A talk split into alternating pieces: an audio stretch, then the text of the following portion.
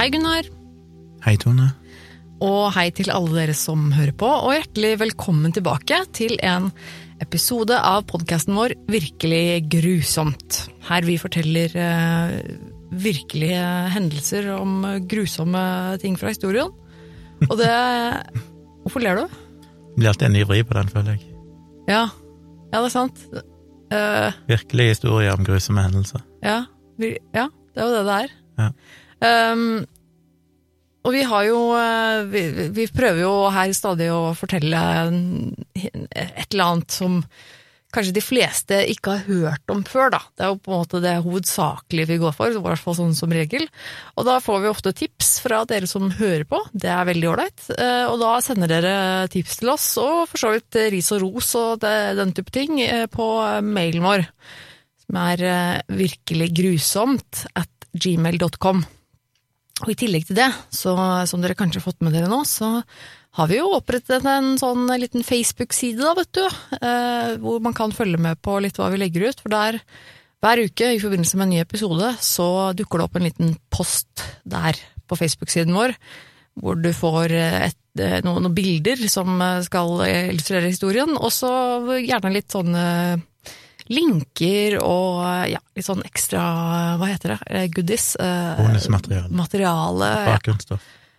Ja. Så man kan eh, klikke seg inn og sjekke litt selv på de tingene vi snakker om. Eh, Og jeg lurer litt på, Gunnar, eh, jeg aner jo ikke hva du skal snakke om i dag. Jeg har ikke peiling, det er jo litt av greia hver uke, at vi bytter på, og så eh, Overrasker vi hverandre? Altså, overrasker vi litt av hverandre. ja. Men har du tatt eh, tips fra lyttermailen vår i dag, eller har du funnet på noe sjæl? Jeg har funnet på noe sjøl, rett og slett fordi jeg følte jeg måtte følge opp forrige episode, som jeg hadde.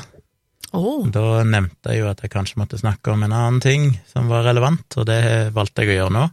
aha. Jeg kan ikke la den eh, bare stå Jeg kan ikke la den bare henge i lufta uten å bli eh, forløst.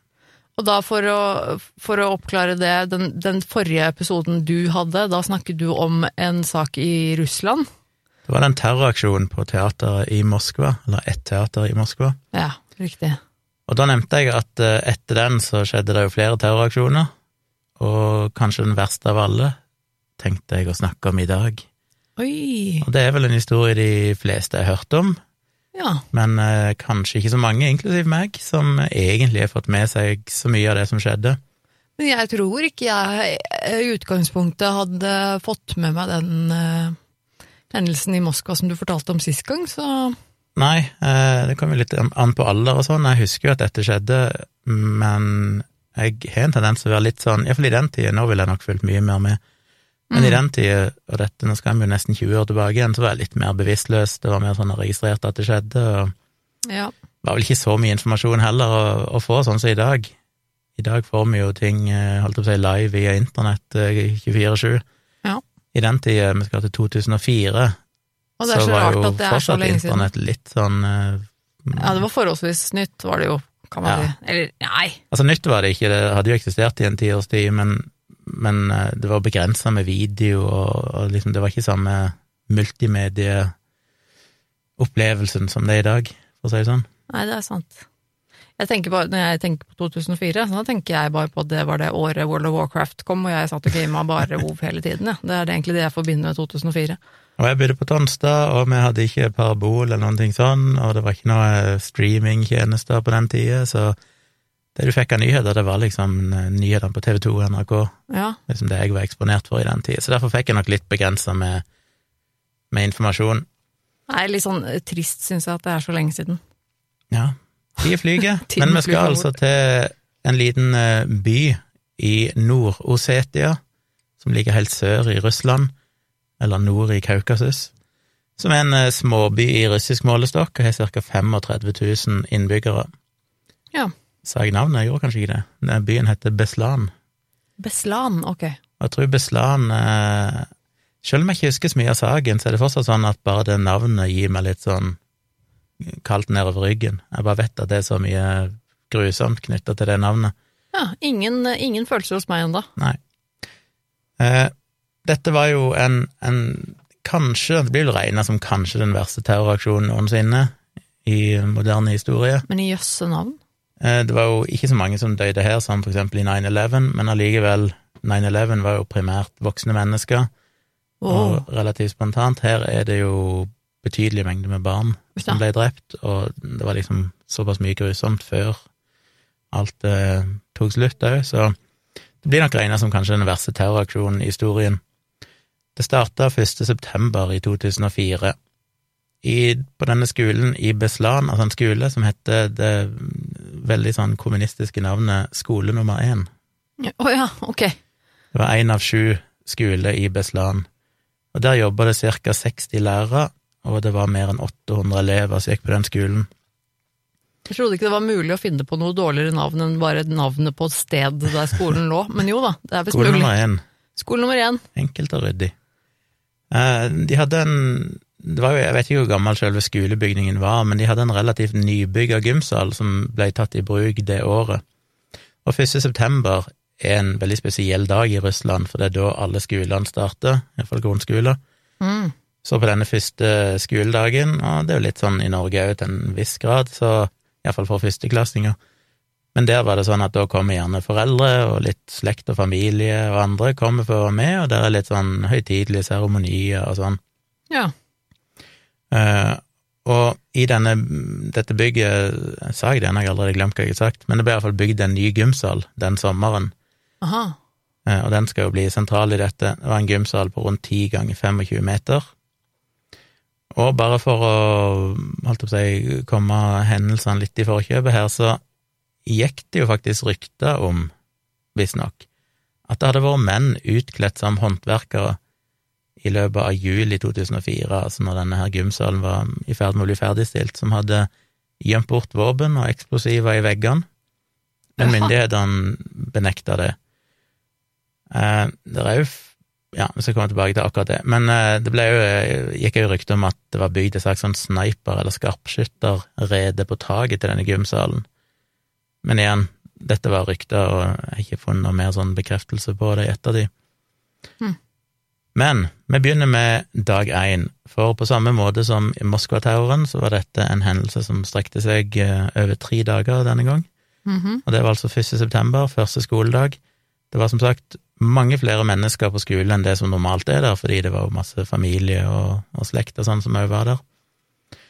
Men veldig tidlig på morgenen så forlot flere dusin tungt bevæpna islamistiske, nasjonalistiske geriljasoldater en leir de hadde bygd i skogen i naborepublikken som heter Ingusjetia, som ligger øst for eh, Nord-Osetia, eller øst for Beslan. De var ikledd grønne militæruniformer og sorte finlandshetter, det var både menn og kvinner, og mange av de hadde eksplosiver festa til kroppen, og hadde jo såkalla, hva hadde jeg lest de kalte det, bombetruse, eller bombeundertøy. Ja. Måtte bare finne muspekeren min så jeg kunne scrolle her. På vei til Beslan så tok de en eh, politimann til fange, og da de ankom Beslan i to store kjøretøy, så forlot de han politimannen i bilen, så da terroristene begynte å hoppe ut av bilene og begynte å nærme seg skolen, så ble han bare liggende igjen der, og han klarte å komme seg ut og sprang til en politistasjon som lå rett ved skolen for å fortelle hva som hadde skjedd. Klokka 09.11 ankom de altså denne skolen, og de hadde en, en ganske sånn svær politivan eller varebil, og en litt sånn liten militær lastebil. Og da de kom inn på skolen, skolegården, og igjen, det er litt uvisst hvor mange det var, eh, som med alle sånne ting, så er det jo veldig sprikende, sprikende tall og sånn, en har ikke noe sånn veldig god oversikt over hvor mange det var, men sannsynligvis en 25-30, selv om noen har meint at det kan være opp mot 50, til og med over 70, så det vet en ikke helt sikkert. Men noen titalls terrorister kom inn på skolegården, og mange av de på skolen trodde at dette bare var en, en øvelse hos russiske spesialstyrker. Men så begynte de plutselig å skyte i lufta og tvang alle i skolegården inn i skolebygningen. Og i løpet av den sånn innledende kaoset så klarte rundt 50 personer å flykte, og de fikk varsla myndighetene om hva som var i ferd med å skje. Og en del av de, jeg vet ikke helt hvor mange, men eh, noen få iallfall, klarte å gjemme seg i et fyrrom på skolen, og de ble seinere redda ut derifra. Etter hvert så ankom jo politiet, og terroristene begynte å skyte mot de, og det var òg ganske mange bevæpna sivile, altså folk fra lokalområdet der som sprang hjem og henta våpen. De så hva som var i ferd med å skje, og terroristene begynte å skyte mot dem. En av terroristene ble drept, og to av de skadd. Og det er rapportert at alt fra to til åtte mennesker ble drept i den skuddvekslingen, og mer enn to dusin ble skada. Vet du hvor mange terrorister det var, sa du det? Nei, jeg sa vi visste ikke helt, men sannsynligvis noen titalls. Ja, ok. En opererer gjerne med 25-30 rundt der en plass, men det er sprikende tall. Ja. Det har jo vært litt omdiskutert uh, hvor mange gisler som ble tatt, men en regner med at de tok iallfall 1100 gisler. Oi, såpass, ja. Det er ganske mye. Ja. Myndighetene, og dette er jo litt som den terrorsaken i Moskva, myndighetene, russiske myndigheter er jo ikke veldig åpne og gjennomsiktige, og de prøver jo å nedspille alt det fæle som skjer. Så de sa jo lenge at eh, nei, det er bare et sted mellom 200 til 400 gisler. Og så seinere så gikk de ut og var veldig spesifikke og sa det var 354 gisler. Jesus. Og det gjentok de flere ganger, selv om alle som var der, visste jo at det stemte jo ikke. De hadde jo sett hvor mange mennesker som var der, og de visste hvor mange familie og venner sånn som hadde gått inn på skolen på denne første skoledagen. Så først i 2005, altså året etterpå, så kom myndighetene og sa sånn offisielt sett at det hadde vært 1128 gisler, Mm. innrømte de da. I løpet av 10-15 minutter så ble alle disse gislene jaga inn i gymsalen. Alle ble fratatt mobiltelefonen og trua med at hvis ikke de ga den ifra seg, så ville de bli drept. Mm. De fikk òg streng beskjed om at de måtte snakke russisk. Eh, Nord-Ossetia har sitt eget språk, men de måtte snakke russisk. Oh, ja. Og de fikk bare lov å snakke hvis de først ble snakka til av en, en av disse terroristene. Mm. Og allerede her så skjedde det jo noen grusomme ting. En av fedrene som var der, som heter Russland Betrozov Han het Russland? Russland Ja. eh, med én S og ikke noen D på slutten. Ja. Russland Betrozov. Han forsøkte å berolige de andre, så han gikk på en måte rundt og prøvde å, chille stemninga litt, men da snakket han jo på deres lokale språk.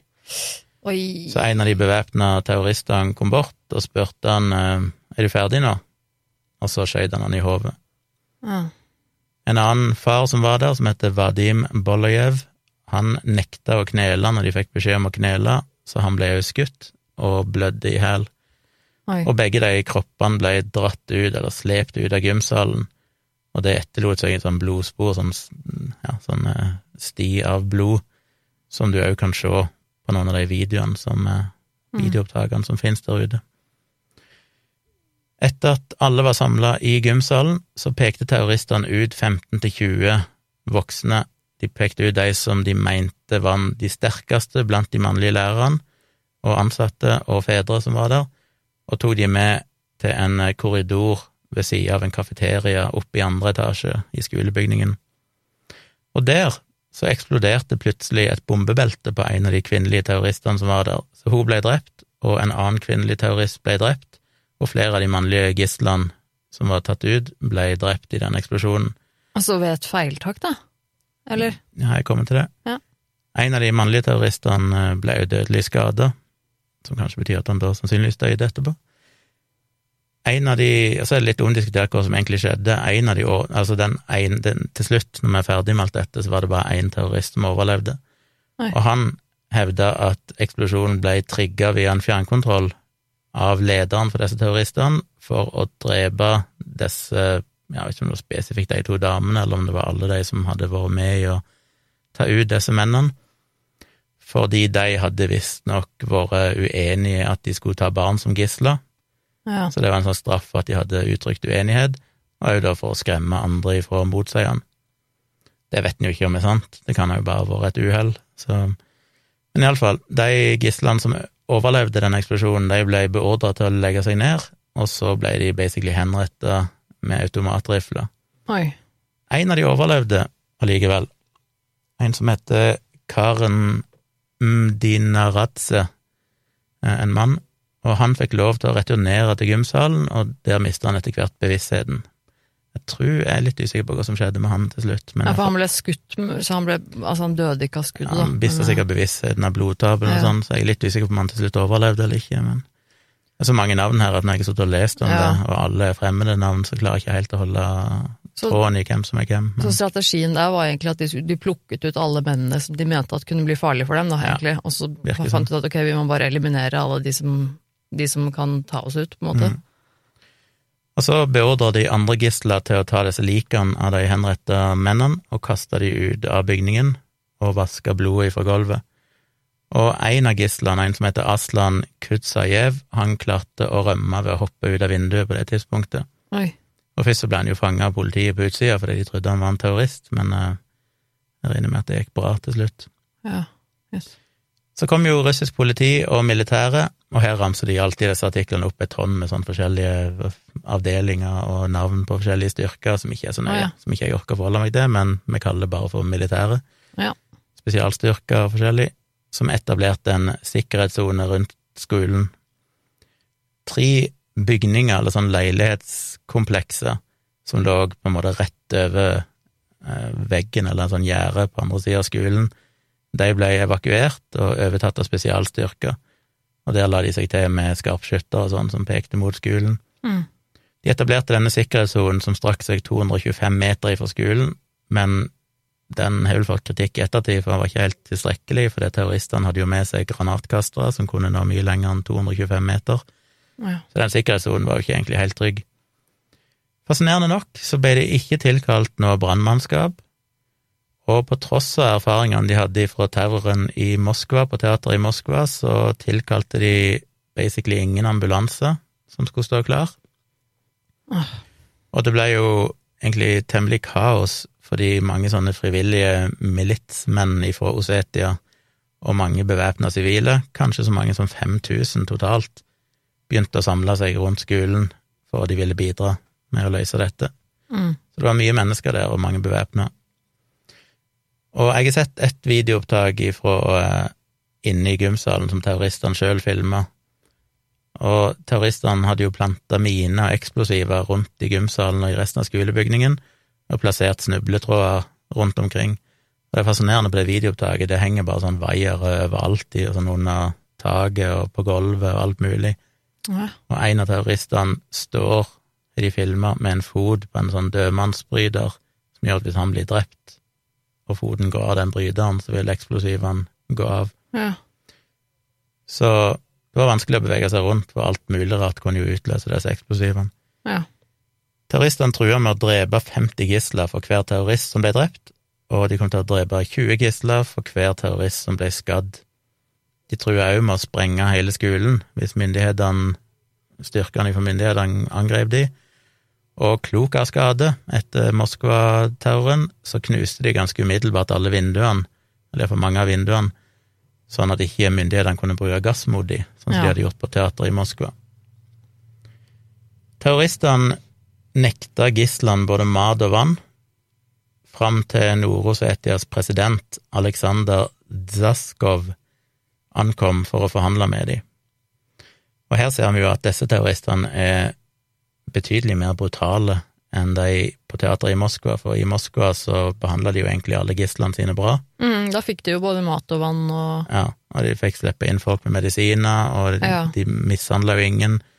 De drepte jo ingen sånn uten grunn, holdt jeg på å si, altså det var jo kun noen som prøvde å rømme sånn som ble drept, men det var ikke sånn at de henretta folk bare for å statuere et eksempel og sånn. Det gjorde de jo her, og her nekta de de mat og vann og medisiner. Eh, så de ville at Nord-Osetias president skulle komme for å forhandle med dem, men russiske fødera, den russiske føderale sikkerhetstjenesten satte opp sitt eget hovedkvarter, der denne presidenten ikke fikk lov å komme, og de trua òg med å arrestere han hvis han forsøkte å, komme seg inn eller gå til skolen. Ja vel. Så russiske myndigheter, og igjen så har vi jo dette med jo om Moskva, det er jo utrolig mye tågelegging og falsk informasjon.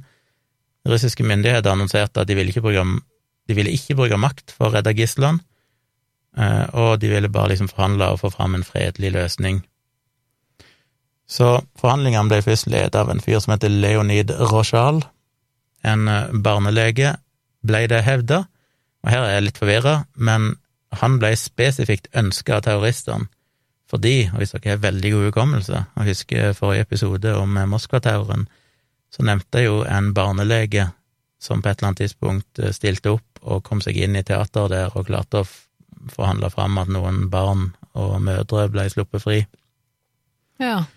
Så han ble spesifikt ønska av terroristene, fordi han hadde hjulpet til med å forhandle med de terroristene i Moskva i, Moskva i 2002.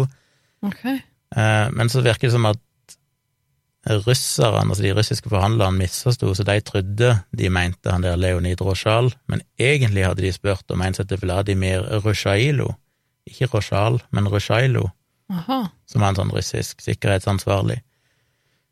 Eh, Så det jeg er litt usikker på om noen av de i det hele tatt ble involvert, men det var iallfall en sånn rar misforståelse.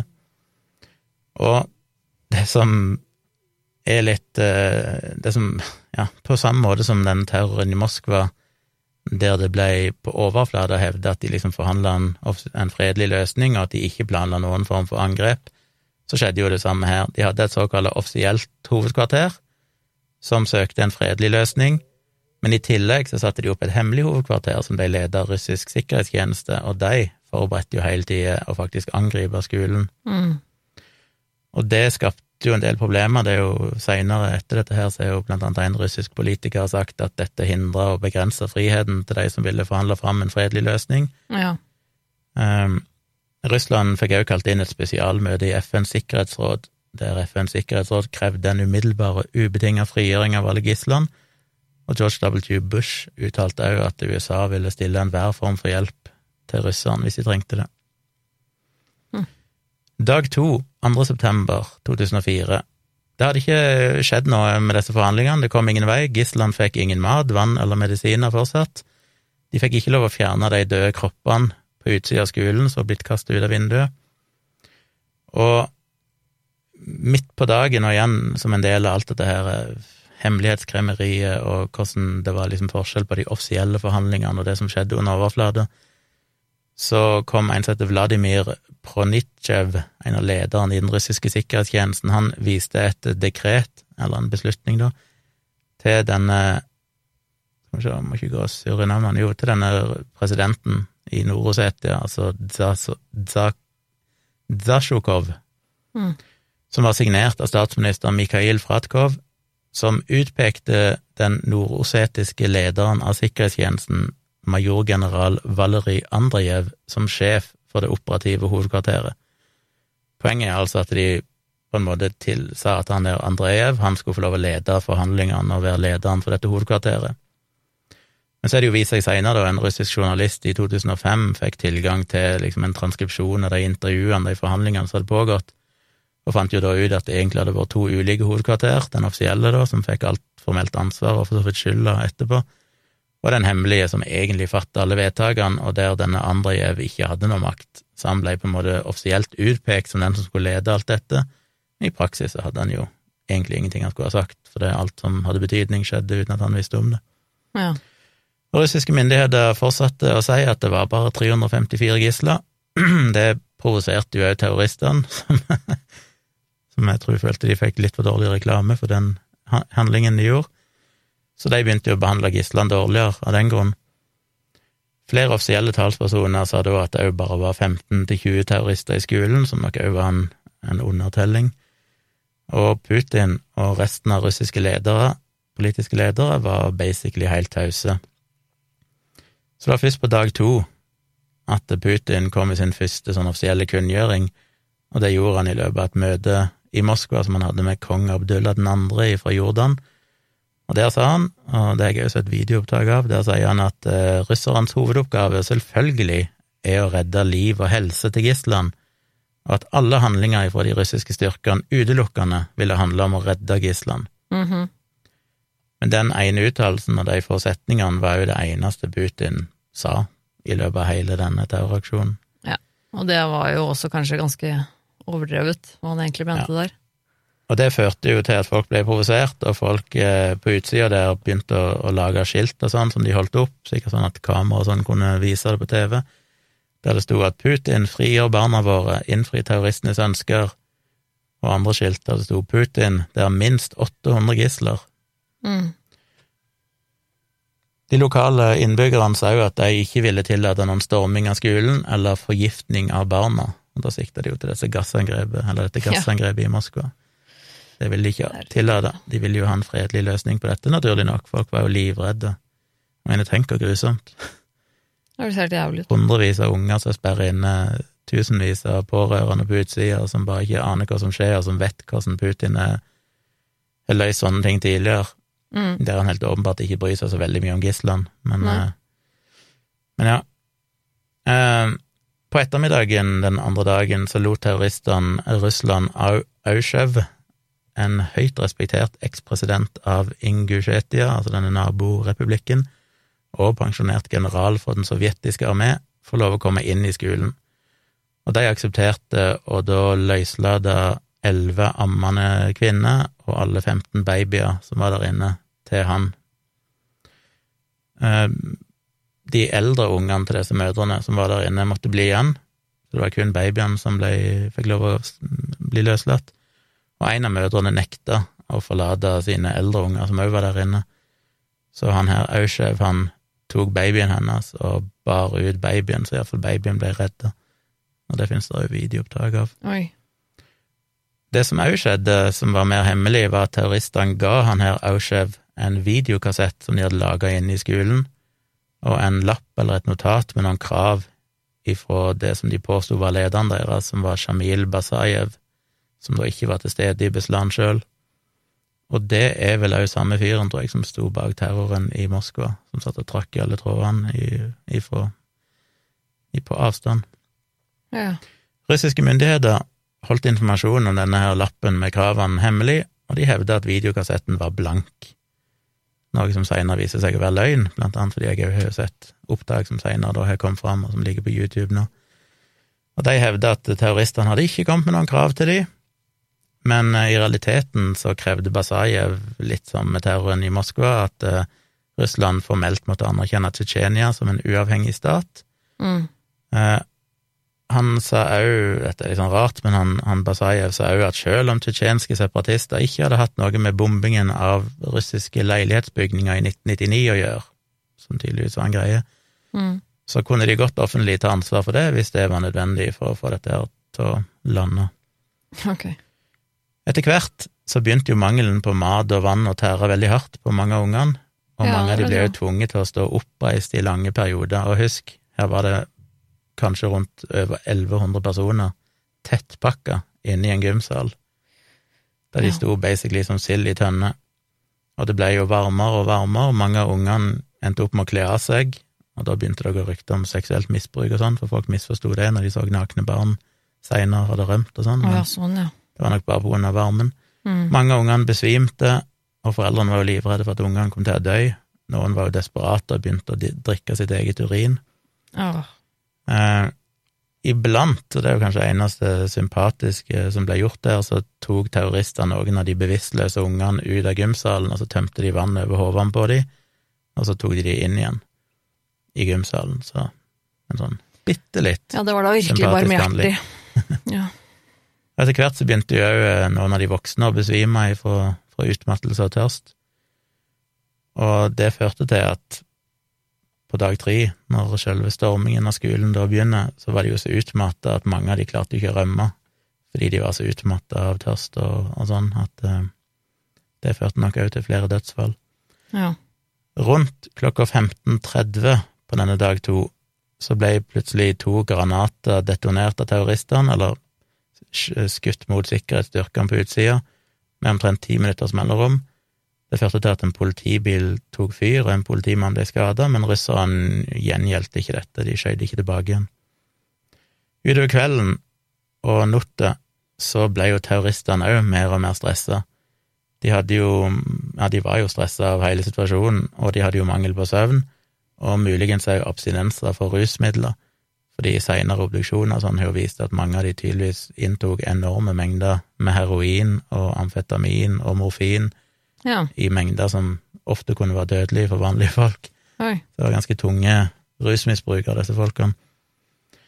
Eh, de, og det hadde de ikke tilgang på der inne, virka det som, så det førte til at mange av de ble temmelig hysteriske og uforutsigbare. De ble irritert på at unger grein, og flere ganger så gikk de bort til mødrene og sa at hvis ikke, dere, hvis ikke du får ungen til å slutte å grine, så kommer jeg til å skyte både ungen og deg. Eh, russiske myndigheter hevda jo som en kuriositet at terroristene hadde lytta til Rammstein på medbrakte stereoanlegg for å holde seg våkne og liksom oppjaga, som er jo en referanse til Columbine og en annen terroraksjon i USA, der det ble hevda det samme, at Rammstein ble liksom brukt for å få folk edgy, de, de som Columbine var det vel Marilyn Manson som fikk eh, største skylda, var det ikke det? ja, mye av innflytelsen, men det sto iallfall i den artikkelen at uh, Rammstein òg hadde blitt spilt på, i Columbine for å på en måte edge de opp litt, kanskje i forkant av det de gjorde, Ja, eller at de hørte på mens de eller mens de gjorde Ja, det. Ja, det kan hende det var noe sånt, det. Ja, det kan stemme. I løpet av natta så ble det òg avfyrt noen skudd fra skolen mot politiet, og en politimann ble skada. Og forhandlingene ble stoppa, og ingenting mer skjedde egentlig. Og så kom jeg til dag tre, 3. september 2004. Og det er jo dette som er så tragisk, for det tidlig på morgenen så ble det avtalt mellom flere politiske ledere i Nord-Rosetia og presidenten i den tsjetsjenske republikken Itsjkeria at han kunne flyge til Beslan for å forhandle med terroristene. Eh, Det er mulig de hadde etterspurt han spesifikt. Eneste kravet han hadde stilt, var at han skulle få lov å gå uhindra inn på skolen. Men så langt kom de ikke, for bare en time seinere så starta jo angrepene. Eh, Denne presidenten i Ishkeria sa òg at i mer enn i tre dager, altså basically gjennom hele terroraksjonen, så hadde journalister fra Al Jazeera, TV-kanalen, tilbudt seg å delta i forhandlingene og gå inn på skolen. Jeg vet ikke hva som skulle være hensikten, kanskje fordi at eh, hvis da terroristene fikk lov å på en måte snakke på TV og sånn, så ville det kanskje hjelpe til med forhandlingene. Men de ble jo fortalt av russiske myndigheter at nei, det var ingen som hadde behov for deres tjenester. Det ble jo hevda at en av Putins rådgivere var veldig nær et gjennombrudd i de hemmelige forhandlingene, for han hadde fått til sånn at eh, mer enn 700 kjente russere, altså forskjellige kjendiser og sånn, hadde sagt at de var villige til å gå inn på skolen og ta plassen til gislene hvis de bare løslot disse ungene og sånn. Ja. Og terroristene hadde visstnok akseptert det, og Oi. eh, avtalt at han skulle få lov å komme med disse folkene klokka 15. Men så langt kom han aldri, fordi stormingen av skolen starta klokka ett. Så Ja. poenget er at her var det, virker det jo som at den offisielle hovedkvarteret, de som drev med forhandlinger sånn og prøvde å løse dette fredelig, hadde mange måter der de var i ferd nå med å Ja. kanskje få til en fredelig løsning, eller iallfall gå videre i fredelige forhandlinger og få noe gang på det. Men det er jo helt åpenbart at russiske styrker, eller russiske myndigheter, ikke egentlig var så keen på det, og hadde jo da hele tida planlagt et angrep under bakkulissene. Så rundt eh, klokka ett cirka, denne tredje dagen, så aksepterte terroristene at eh, fire ambulansepersonell med to ambulanser fikk lov å komme for å fjerne disse 20 likene som var på utsida av skolegården, 20 personer de hadde, gisler de hadde drept eh, i bytte mot at de kom med liket til den ene terroristen som var blitt drept eh, første dagen. Oh. Så de ville ha det liket tilbake igjen, og så skulle de få lov å fjerne de 20 likene. Og akkurat mens disse ambulansepersonellene var i ferd med å komme inn på plassen der og skulle begynne å hente disse likene, så skjedde det plutselig en eksplosjon i gymsalen. oi. Og her er det jo mye omdiskutert i ettertid hva som egentlig skjedde, men terroristene trodde tydeligvis at de ble angrepet, så de begynte å skyte på ambulansepersonellet og klarte å drepe to av de. Selv om de visste at Ok, ja vel. Selv om de hadde en avtale, liksom, på hva som skulle skje? Ja, de følte jo at de hadde blitt ført bak lyset. De hadde avtale nå med at de skulle gjennomføre diverse forhandlinger og sånn, og kanskje bytte ut gislene med disse russiske kjendisene og så videre. Men så plutselig så skjer det en eksplosjon, og så blir jo de forvirra og tenker shit, nå blir vi angrepet, og så begynte de å skyte på dette ambulansepersonellet. Og bare 22 sekunder seinere så kom det en ny eksplosjon, som var litt sånn rar, som òg førte til at det brøt ut brann på taket i gymsalen. Og det er jo egentlig det mest tragiske i alt dette her. Det begynte å brenne på taket, og så begynte gradvis taket å kollapse og falle oh, ned på gislene. Veldig mange av gislene ble jo skada. Mange av de overlevde, men var fanga under disse brennende ruinene. Og til slutt så kollapsa hele taket, og basically gjorde hele gymsalen om til sånn brennende inferno, som i Ah. ettertid skal ha drept kanskje 160 av gislene, som er mer enn halvparten av alle som til slutt døde. Og det er veldig delte meninger om hva denne andre eksplosjonen egentlig var. Folk med forskjellige interesser har jo forskjellige forklaringer. Eh, Noen har hevda at eh, vitner så en russisk skarpskytter eh, skjøt en av terroristene inne i gymsalen, som sto på en sånn dødmannsbryter, som nevnt, Ah, ja. og det førte til at eh, eksplosivene gikk av. Mm. Den ene overlevende terroristen har bekrefta det og sier at jo, det stemmer, og en eh, politikvinne som òg var gissel der inne, sa at hun ble skutt i hånden ifra utsida rett før eksplosjonen, så noen er skutt ifra utsida gjennom et vindu, Oi. sneia hånda hennes tydeligvis, og drept han der terroristen, som da utløste eksplosivet. Eh, og hun hevda jo at det var tre små eksplosjoner, da først to klokka 13.03, og så en større klokka 13.29. Så det er den ene forklaringen, som er den forklaringen selvfølgelig eh, ja, iallfall terroristen, overlevende terroristen sjøl ønsker, for de legger jo skylda på russerne, at det var de som starta Ja. det. Mm. Et regjeringsmedlem som òg er er ekspert på våpen og eksplosiver, har seinere sagt i sånne høringer og sånt som ble gjennomført seinere, at eksplosjonen ikke kom ifra inne på skolen, men derimot ifra to raketter som ble skutt mot taket og veggen av gymsalen ifra et av disse leilighetsbyggene på sida av skolen der disse russiske spesialstyrkene lå. Oh, ja. Og det ble seinere funnet tomme hylser på taket av de bygningene ifra sånne raketter Ja. og, eh, eller granater. Og han hevda, denne regjeringsmedlemmet hevda at de eksplosjonene i seg sjøl drepte mange av gislene, og at selvfølgelig mange andre døde da under den brannen. Og det ble jo hevda han at det var Putin som direkte hadde gitt ordre om at de skulle begynne å fyre raketter fra utsida mot skolen, og flere av vitnene som var der òg, og gislene og sånn òg, sier at eksplosjonene ble forårsaka av prosjektiler som ble fyrt mot dem fra utsida. Så det er to versjoner. Den tredje versjonen er jo den offisielle russiske rapporten, som kom i desember 2006. Og russiske myndigheter hevda jo selvfølgelig at det var terroristene sjøl som hadde starta angrepet ved å detonere bomber blant gislene, noe som overraska totalt de russiske forhandlerne og lederne, for de ville jo bare ha en fredelig løsning på dette. Klart det. Så de hevder at eh, hele denne her gisselaksjonen hadde vært et selvmordsangrep fra starten av, at eh, ja, det var aldri meningen at noen skulle overleve dette, og at russerne hadde jo ikke planlagt noen storming av skolen, men de ble jo tvunget til det fordi terroristene sjøl hadde begynt å sprenge bomber inne på skolen.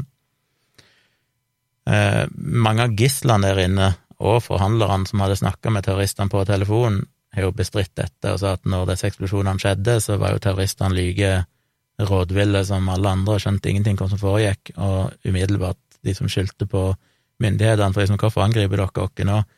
Um, trodde jo vi hadde en fredelig løsning, eller et eller annet sånt. Disse eksplosjonene førte jo til at eh, delene av veggen i gymsalen ble ødelagt, så heldigvis så klarte jo flere gisler å rømme gjennom de hullene der. Mm. Og så begynte jo lokale militærstyrker sånn å skyte imot skolen, og terroristene skjøt tilbake. Og ganske mange av de gislene som prøvde å rømme, ble jo da drept i den kryssilden. Ja, selvfølgelig. Igjen så hevder jo russiske talpersoner at det var terroristene som skjøt gislene i ryggen Ja mens de rømte, og at de hadde ikke noe annet valg enn å skyte tilbake igjen når de ble beskutt. Mhm. Men mange lokale vitner bestrider jo det. De hevder at eh, det var russiske sikkerhetstjenester som definitivt tok valget om å starte dette angrepet, og at mange av gislene ble skutt av russiske styrker på utsida, og det er det jo, så vidt jeg har skjønt, mye dokumentasjon på òg, fordi de har funnet at mange av gislene ble skutt ifra forsida, ikke, Mm. ikke i ryggen. Mm. Så når denne skytinga, først disse eksplosjonene, når skytinga kom, så brøt det ut en kaotisk kamp. Eh, Spesialstyrkene begynte jo å storme skolen og prøvde å komme seg inn, og her var det jo involvert både militære styrker, det var tankser, det var pansra kjøretøy, det var militære helikoptre, i tillegg til mange bevæpna sivile. Mange av de militære og politimenn fikk òg panikk og prøvde å rømme sjøl, og endte opp med å skyte feil vei og sånn, skyte mot publikum som var på utsida og sånn. Jesus. Eh, og det er vel rapportert at minst tre, kanskje så mange som ni, kraftige raketter ble avfyrt mot skolen, og det ble jo avfyrt flere rakett, jeg vet ikke hva du kaller det, men sånne rakettdrevne granater mot skolen. Terroristene brukte også granatkastere mot russiske styrker på utsida, som satt disse skarpskytterne, sånn som satt i leilighetskompleksene rundt skolen. Et pansra kjøretøy kjørte inn til skolen og begynte å åpne ild med et kraftig maskingevær mot vinduene i andre etasje, og minst én av tanksene fyrte av skudd med en sånn 125 millimeter kanon, eller hva det er for noe, på, på tanksen mot skolen. Og det som er så tragisk her igjen, da, er jo at eh, når denne skytinga begynte, så tok terroristene mange av gislene ifra gymsalen og flytta de ut til forskjellige andre plasser i skolen og sa de måtte stå langs vinduene, spesielt i kafeteriaen. Og de ble jo da i stor grad skutt av russiske styrker, som jo fyrte av med både tanks og alt mulig Ja. mot eh, bygningen og vinduene spesifikt for å drepe terrorister, så det er jo beregna at 106-110 gisler ble drept på den måten, at basically russiske styrker sjøl skjøt de gjennom vinduene, fordi de ble brukt som menneskelige skjold. Klokka 15, altså to timer etter at angrepet starta, så hadde omsider russiske styrker fått kontroll på mesteparten av skolen. Det var fortsatt skyting fram til kvelden, blant annet fordi noen terrorister hadde klart å barrikadere seg i kjelleren. Rundt 13 terrorister, blir det hevda, klarte å komme seg ut og gjennom sperringene og søkte dekning i nærheten. Noen av de skal ha gått inn i en toetasjers bygning i nærheten av skolen, som russerne da angrep med flammekaster og tankser og basically raserte Åh, eh, senere på kvelden, i ni-ti på kvelden. Og andre rømte lenger og ble forfulgt av helikoptre gjennom byen og inn i byen og sånn. Og så igjen denne inkompetansen. Brannmenn, altså brannbiler og brannmenn, ble jo ikke tilkalt i det hele tatt før rundt klokka tre, altså to timer etter at gymsalen begynte å brenne. Og de var ikke forberedt på å bekjempe den enorme brannen som var der. Én brannbil kom først, etter ca. et par timer på eget initiativ, men de hadde bare 200 liter vann og klarte ikke å koble seg til nærliggende brannhydranter. Eh, Den første bilen som hadde med vann til brannvesenet, kom klokka 15.28, altså nesten to og en halv time etter at brannen starta, og den andre brannbilen ankom klokka 15.43. Så basically, da hadde de jo brunnet i to og en halv til tre timer, og det var jo ikke egentlig så mye å gjøre på det tidspunktet. Det var veldig få ambulanser, som jeg sa, til å frakte hundrevis av skadde mennesker. Så stort sett var det jo private biler som ble brukt til det, og der finnes det jo videoopptaker der de kommer bærende med unger sånn, og putter de i biler på utsida og kjører de av gårde. En terrorist ble visstnok angrepet og drept av en gjeng sivile på utsida. En annen ubevæpna terrorist ble fanga i live mens han forsøkte å gjemme seg under en lastebil, så det er vel han ene da som overlevde dette her. mm. Flere av de drepte terroristene er blitt rapportert at var blitt eh, vansiret, eller hva du kaller det, hva var det Mm. engelske ordet? Ja, iallfall lemlesta av soldatene. Ja. Og du kunne høre skudd, visstnok i opptil tolv timer etter at eh, eksplosjonene opprinnelig, angrepene opprinnelig starta. Og tidlig neste dag så krevde Putin at grensene til Nord-Rosetia skulle stenges, fordi de mente at fortsatt noen terrorister var på frifot, og de prøvde å jage dem. Og hele håndteringa her var jo tragisk. Mange av de skadde døde jo før de rakk å bli sendt videre til bedre utrusta sykehus, for det lokale sykehuset i Beslan var jo ikke i stand til å håndtere den enorme mengden av skadde mennesker. De hadde ikke nok sykehussenger, de hadde ikke nok medisiner, de hadde jo langt på nær nok, nok og avansert nok utstyr til å utføre komplekse operasjoner på folk som var hardt skadd. Slektninger fikk ikke lov å komme og besøke de skadde, og legene fikk ikke lov å bruke mobiltelefoner. Og igjen, tragisk nok, dagen etterpå, allerede dagen etter dette her, så ble det sendt inn bulldosere for å basically rydde vekk restene og vrakrester sånn av bygningen, Ja inklusiv det som var av kroppsdeler Ja, og sånn, og muligens òg lik som lå i, i ruinene, Ja, for det og bare vi kjørte det til en søppelfylling. Ja, flott. Allerede dagen etter så begynte de å begrave de omkomne, og eh, det var jo på en måte bare en sånn seriebegravelse. I én sånn sesjon så var det 120 personer som ble begrava, basically bare sånn gravfamiliefølge, sånn gikk de bare fra grav til grav og ble begravd én etter én, og de hadde jo ikke plass til dette, så de måtte jo utvide kirkegården med en helt ny sånn jorde på sida som ble plutselig brukt som kirkegård Mm. for å få plass til alle de døde. Tre dager etterpå så var det fortsatt 180 personer som en ikke kunne redegjøre for. Og naturlig nok så var jo mange av de overlevende sterkt traumatiserte, og minst ett av de kvinnelige gislene endte jo senere opp med å ta livet sitt. Oi. Og Putin, den kuken, besøkte jo Beslan bare én gang etter dette her, Aha. som var litt sånn hastebesøk, da han var så vidt innom et sykehus for å hilse på noen av de skadde, men han ville ikke besøke noen eller hilse på noen av familiene til ofrene eller gjøre noen ting sånn, og fikk jo mye kritikk for det. Ja, nei, nei, men sånn er han jo altfor god for, må skjønne. Etter å ha returnert til Moskva, så erklærte han to dagers landesorg, 6. og 7. september. Ja vel, ja. Og rundt 135 000 mennesker deltok i en protest mot terror på Den røde plass i Moskva et par dager senere, og rundt 40 000 samla seg i St. Petersburg. Og som vanlig, litt det samme som med Moskva-terroren, så bruker jo selvfølgelig Putin dette politisk. Så det ble jo innført uh, veldig strenge sikkerhetstiltak i russiske byer etterpå, og mer enn 10 000 personer som liksom ikke hadde de riktige papirene på seg, ble jo arrestert av politi i Moskva på jakt etter terrorister, blant annet en oberst som heter Magomed Tolbojev, som var en tidligere kosmonaut og sånn sett en russisk helt. Han ble jo angrepet og brutalt banka opp av eh, politiet i Moskva fordi han hadde et navn som hørtes tsjetsjensk ut. Ja, men herregud, da. Så de gikk ikke så nøye på det. Og det førte jo til at det russiske folket i veldig stor grad støtta strengere tiltak mot terror. En undersøkelse fra 16. september fant at 58% av russere ville ha strengere lover mot terror og dødsstraff for terrorisme, og 33% støtta et forbud mot å la tsjetsjenere få lov å komme inn i russiske byer. Såpass, ja. Og Putin sørger jo selvfølgelig for å bruke dette til å øke makten sin, og her er det mye detaljer, jeg skal ikke gå inn i akkurat ting han gjorde, men kort sagt så klarte han vel på forskjellige måter å redusere valgfriheten av russiske ledere, der han basically måtte peke ut hvem som kunne velges, Ja, og han tok jo mer og mer kontroll over russiske medier, og angrep i større og større grad frivillige organisasjoner, sånn spesielt utenlandske.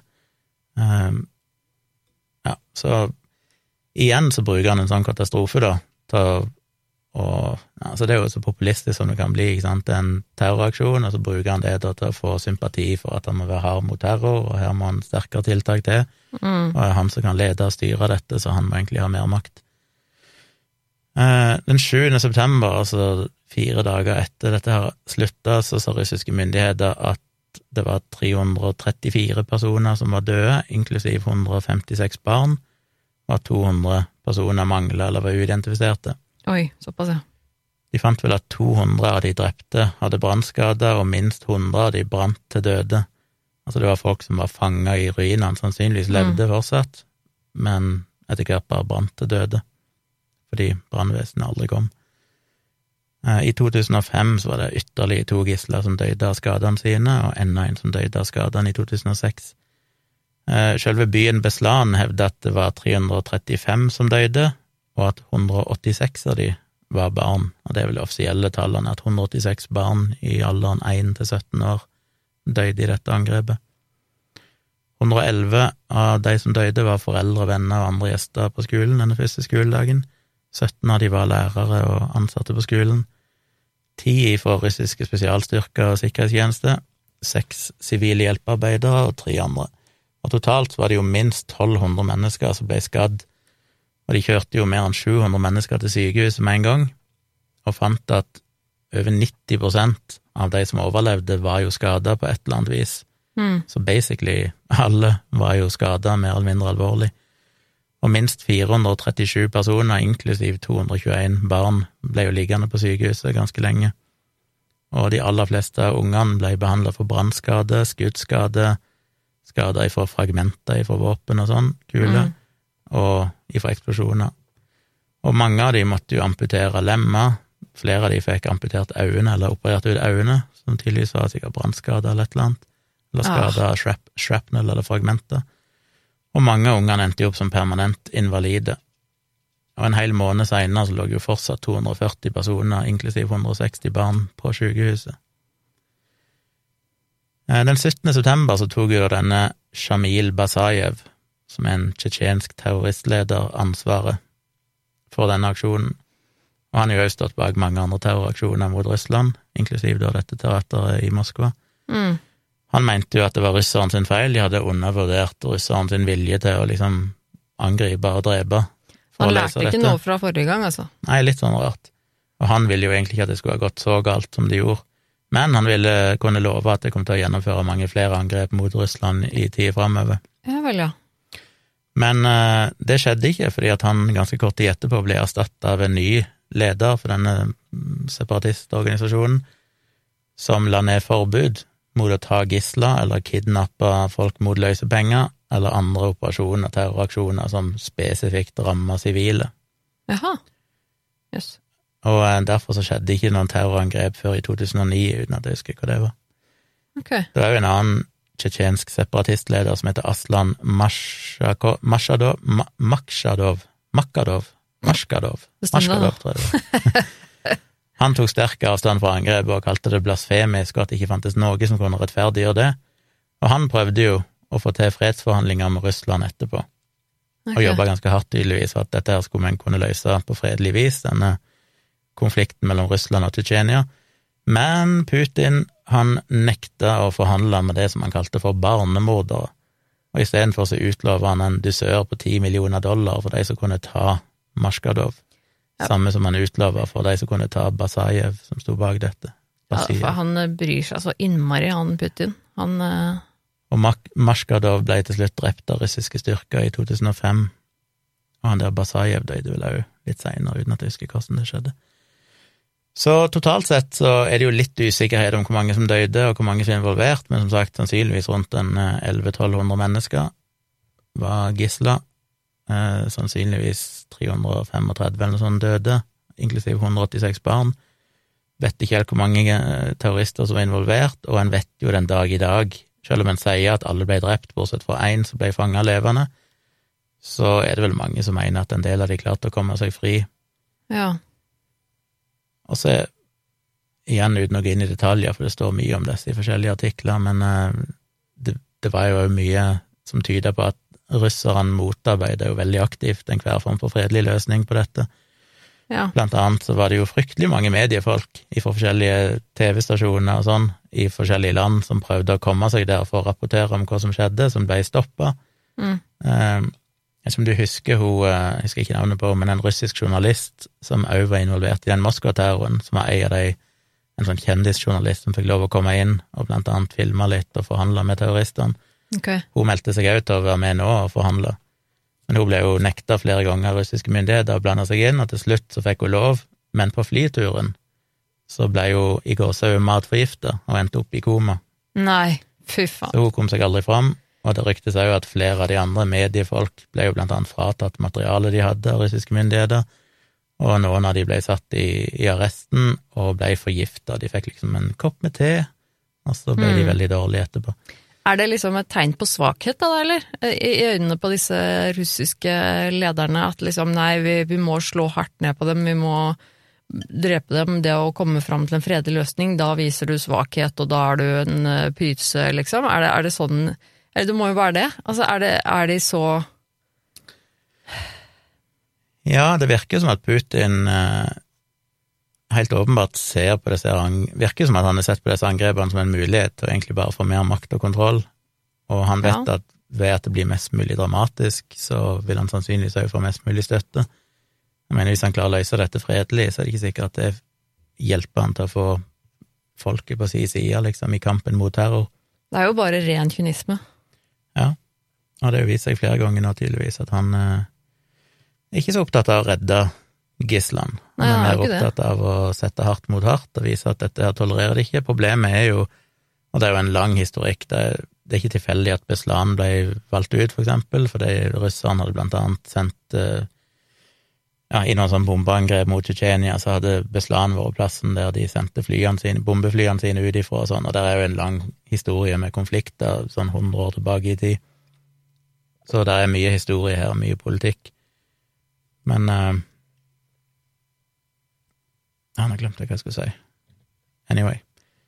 Komplekse greier og veldig mye politikk i alt dette her. Ja, det er jo det som Ja, det, det er jo mye av de samme tankene i huet mitt nå som de sist gang, på en måte. Bare at selvfølgelig denne, Jeg syns jo denne hendelsen her var verre, men det er jo det der med at det, det, det bare fins ikke noe Fins ikke noe respekt eller eh, ansvar eh, for disse menneskene som er tatt som gisler, da, fra myndighetenes side. De, jo De ser på dette som et Det er liksom den holdningen om at dette er et problem. Vi må bare vise at vi vinner. Mm. Og så er det ikke noe snakk om at de egentlig bryr seg om hva som skjer med de som er uskyldige. Nei, problemet og det var det jeg skulle si som jeg glemte, at dette her er jo en sånn evig serie av gjengjeldelse. Ja. Tsjetsjenerne vil hevne seg for russernes angrep i Tsjetsjenia og sikkert andre historiske ting, og derfor gjennomfører de terroraksjoner, og så responderer Putin med å være ekstremt voldelig og Ja. angripe Tsjetsjenia på nytt, og så skal de hevne seg igjen. Så det er sånn, det er sånn klassisk eksempel på at vold avler vold, og Men det altså hvis du alltid skal hevne deg, så kommer det jo ingen vei. det er altså så utrolig barnslig. Ja, det er rett og slett barnslig. Altså, det er eh, virkelig sånn herre sånn, Alt av sånn maktgreie er jo barnslig. Ja, det er så sykt barnslig, og så, så utrolig sånn umoden, sånn herre eh, eh, Unnskyld at det, det høres kanskje litt sånn teit ut å si, men det er så innmari sånn derre uh, mannegreie. Sånn derre menn med makt, som er sånn høy på sin egen makt, som er sånn derre det- Altså, det, det, blir Det er altså så kvalmt. Ja. Og det, det er noe jeg syns er bare det kjipeste og styggeste med folk, når de er sånn at liksom Med de holdningene om at nei, du skal ikke vise barmhjertighet, du skal ikke eh, vise At det er liksom det å være svak, å vise barmhjertighet, eller å bli enige om noe, eller inngå kompromisser, eller eh, handle, forhandle om fred. Nei, da er du svak. Mm. Da er, du, da er du ikke mann nok, liksom. Da er du dårlig. Altså, det er Åh, det gjør meg altså så frustrert. Men for en jævel, han der eh, Shamil Basayev, han som tok ansvar for dette, altså han har mye eh, dritt på samvittigheten. Han har jo stått bak flere terroraksjoner. Han var jo en sånn person som til og med andre eh, tsjetsjenske separatister og andre ja, folk som eh, på en måte ville angripe Russland og, og sånn, mente at det gikk altfor langt, blant annet fordi liksom de, de Han hadde ikke noe problem med å drepe unger, han hadde ikke noe problem med å rette terrorangrepene spesifikt mot sivile, eller angrepene sine spesifikt mot sivile for å skade sivile, for å skade flest mulig og sånn. Ja, her var det jo uten tvil en Altså, det, det var jo eh, med overlegg, dette at han tok en skole. Altså, det var jo Ikke bare en skole, men at de òg tok det på den dagen da de Ja. visste at sannsynligvis var det mange mødre der, Ja, og slektninger. så det er jo helt klart planlagt at det skal være. Ja, at det skal være ekstra ondskapsfullt. Så litt av en dritt, Ja, det er skikkelig for å si det mildt. Men jeg, jeg vet ikke, men her igjen så ble jeg litt sånn der, åh, jeg vet ikke hvem som er mest eh, dritt av uh, han eller russiske myndigheter. Det er, det er liksom kappløp om å være mest dritt. Nei, altså sannsynligvis på samme måte som i teateret i Moskva, så ble jo de aller fleste drept av russerne sjøl. Ja. Det er jo ikke så mange som ble drept av terroristene, eh, sannsynligvis sånn titalls kanskje, men sikkert et par 250, et eller annet sånt, ble jo drept av russiske styrker som skjøt mot vinduene. Ja. Eh, Russiske styrker som sannsynligvis avfyrte raketter mot bygningen som førte til den brannen som endte opp med å drepe Og en idet de, eh, halvparten av dem. og idet det gislene løper ut og prøver å komme Ja, seg i sikkerhet, så styrker, så blir de skutt. Det er det som er så paradoksalt med begge de terrorangrepene, at det var jo redningsaksjonen, på en måte, som basically endte opp med å føre til de store tapene av liv. Ja, da klarer jeg ikke helt å bestemme meg for hvem som er jævligst. Disse som Altså, vi vet ikke hva som hadde skjedd, da. Hvis de, hvor langt hvor Ville disse terroristene vært villige til å gått med på en fredelig løsning hvis de hadde fått kravene sine innvilga til slutt og sånn? Det er jo vanskelig å si hva som til slutt ville skjedd. Men eh, Ja, det er jo helt umulig å vite. Men i begge tilfellene så er det for mye som tyder på at hvis russiske styrker heller hadde venta, og ikke drev og planlagt at de skulle angripe teater eller skolen fra dag én uten at noen visste om det, Mm. så hadde iallfall mulighetene vært der for en mer fredelig løsning. Ikke minst, om en så endte opp med at terroristene gjorde noe dramatisk på slutten, så hadde de sannsynligvis fått ut mange av de levende i bytte mot forskjellige Ja. krav som ble innfridd og sånn, så Men jeg tror jeg, jeg kan liksom ikke tenke meg at russiske myndigheter egentlig var så veldig interessert i å komme frem til en fredelig løsning. Nei, altså de kommer med tankser og sånn allerede første dagen Ja. mot ei skole, så er det klart at du kan ikke regne med at du skal bruke tankser uten at det kommer til å gå Nei. enorme sivile liv tapt. Men altså, for jeg tror, jeg tror ikke de har Jeg, jeg tror Nei, som sagt, jeg, jeg tenker at, eh, at eh, det er litt av greia i den, eh, i den derre maktkulturen på toppen eh, der. At det er sånn eh, Man skal ikke vise svakhet ved å inngå kompromisser og være fredelig og sånn. Det er eh, Nei, men han er jo en diktator. Det ligger jo i naturen til en diktator. Det er jo makt som Ja. er deres uh, middel. Ja. Ingenting annet. Og da er det liksom Burde jo egentlig også man i utgangspunktet Hva het han fyren som var ansvarlig for terrorismen der? Jeg husker ikke hva han het. Uh, Shamil Basayev. Ja. Så han Han må jo ha sett hvordan dette her kom til å ende også. Tror ikke han brydde seg så mye heller, for å si det Nei, sånn. ikke sant? Så, for, for at når du han, ikke bare, han har jo til og med gjort dette her en gang før. Han Ja. vet jo hvordan Russland reagerer på dette. Så jeg tenker sånn Da er du rimelig eh, kald, for å si det mildt, når du gjør det. Når du, han- likevel vet mest sannsynlig hvordan utfallet kommer til å være. Eh, sannsynligheten for at eh, Russland gir etter for kravene hans er minimal, og sjansen for at disse menneskene som eh, blir involvert her, de blir bare drept, er veldig stor. Jeg tenker, fy fader, da er du råttent menneske, ass. Ja, så de spekulerer jo i det.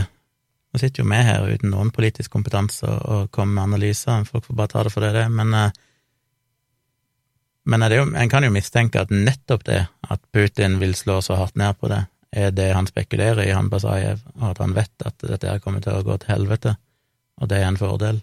Hva, hvorfor det? Nei, for da får de mer sympati, tsjetsjenerne kan få mer sympati, Å ja, fra, sånn utenfra, liksom? ja, for dette, disse handlingene blir jo fordømt selvfølgelig av andre land, russiske måten å håndtere det på og sånn, Jo, jo. Men tror du det Ja.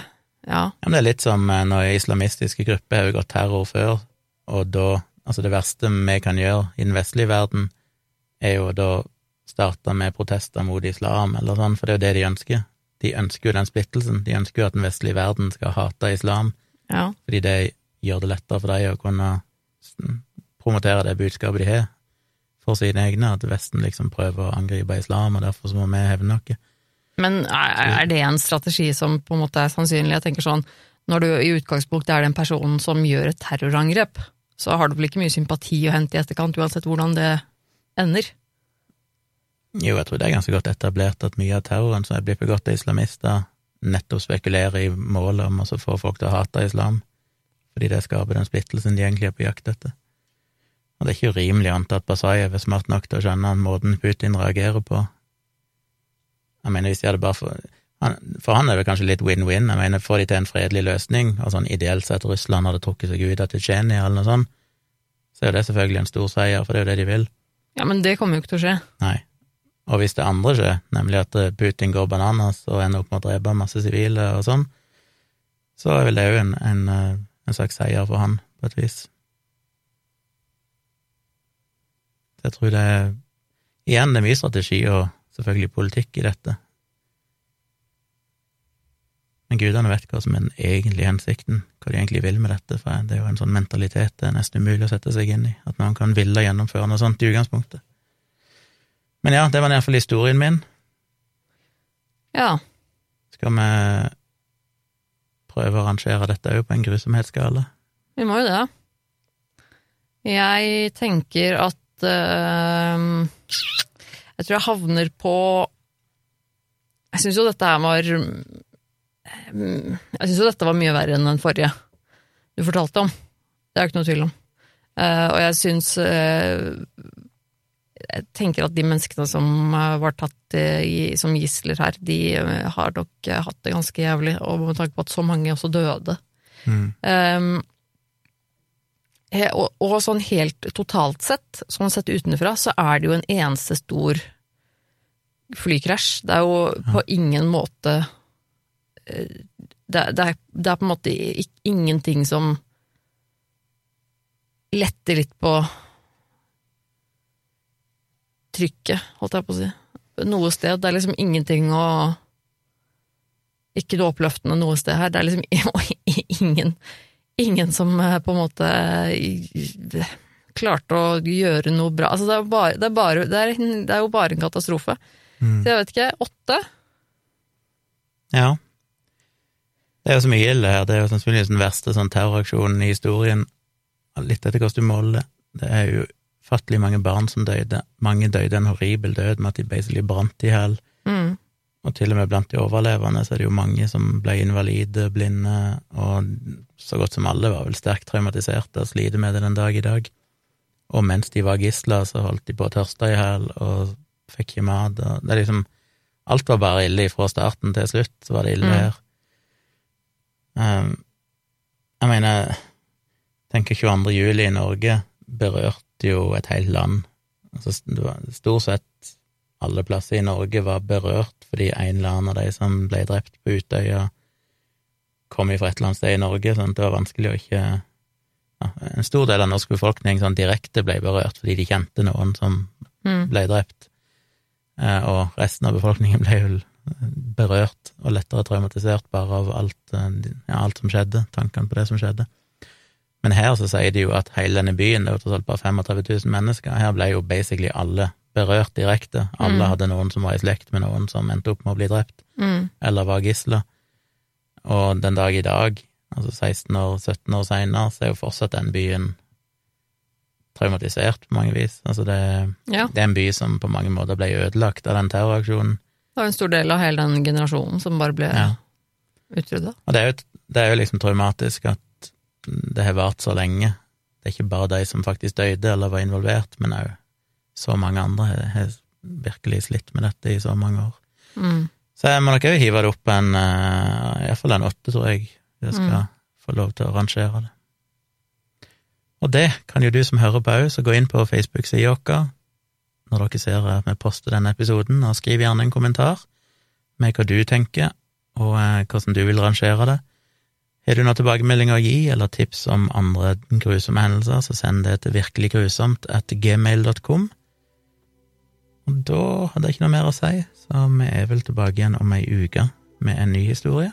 Ja, det er vel eh, Det er vel ikke så mye mer å si. Jeg kjenner at jeg bare jeg, Etter at, sånn historie så blir jeg mest eh, Jeg blir mest sur. Ja. Jeg blir, jeg blir så sur over at folk holder på sånn. Eh, Det gjør meg sånn oppgitt over menneskeheten. Jeg lenker jo i shownotes og på Facebook etter hvert på, til noen linker og videoer og sånn. Dere kan se hvis dere vil se hvordan dette så ut. Se videoopptak fra inne i gymsalen der disse gislene var og sånn. Ja, Det burde vi Det sjekke gir jo litt mer kontekst til hele greia. Absolutt. Men da vil jeg takke for at du hørte på. Da, om en uke så er det min tur til å fortelle en eh, grusom historie fra virkeligheten. Så vi håper jo selvfølgelig at dere fortsetter å høre på da. Mm. Ha det!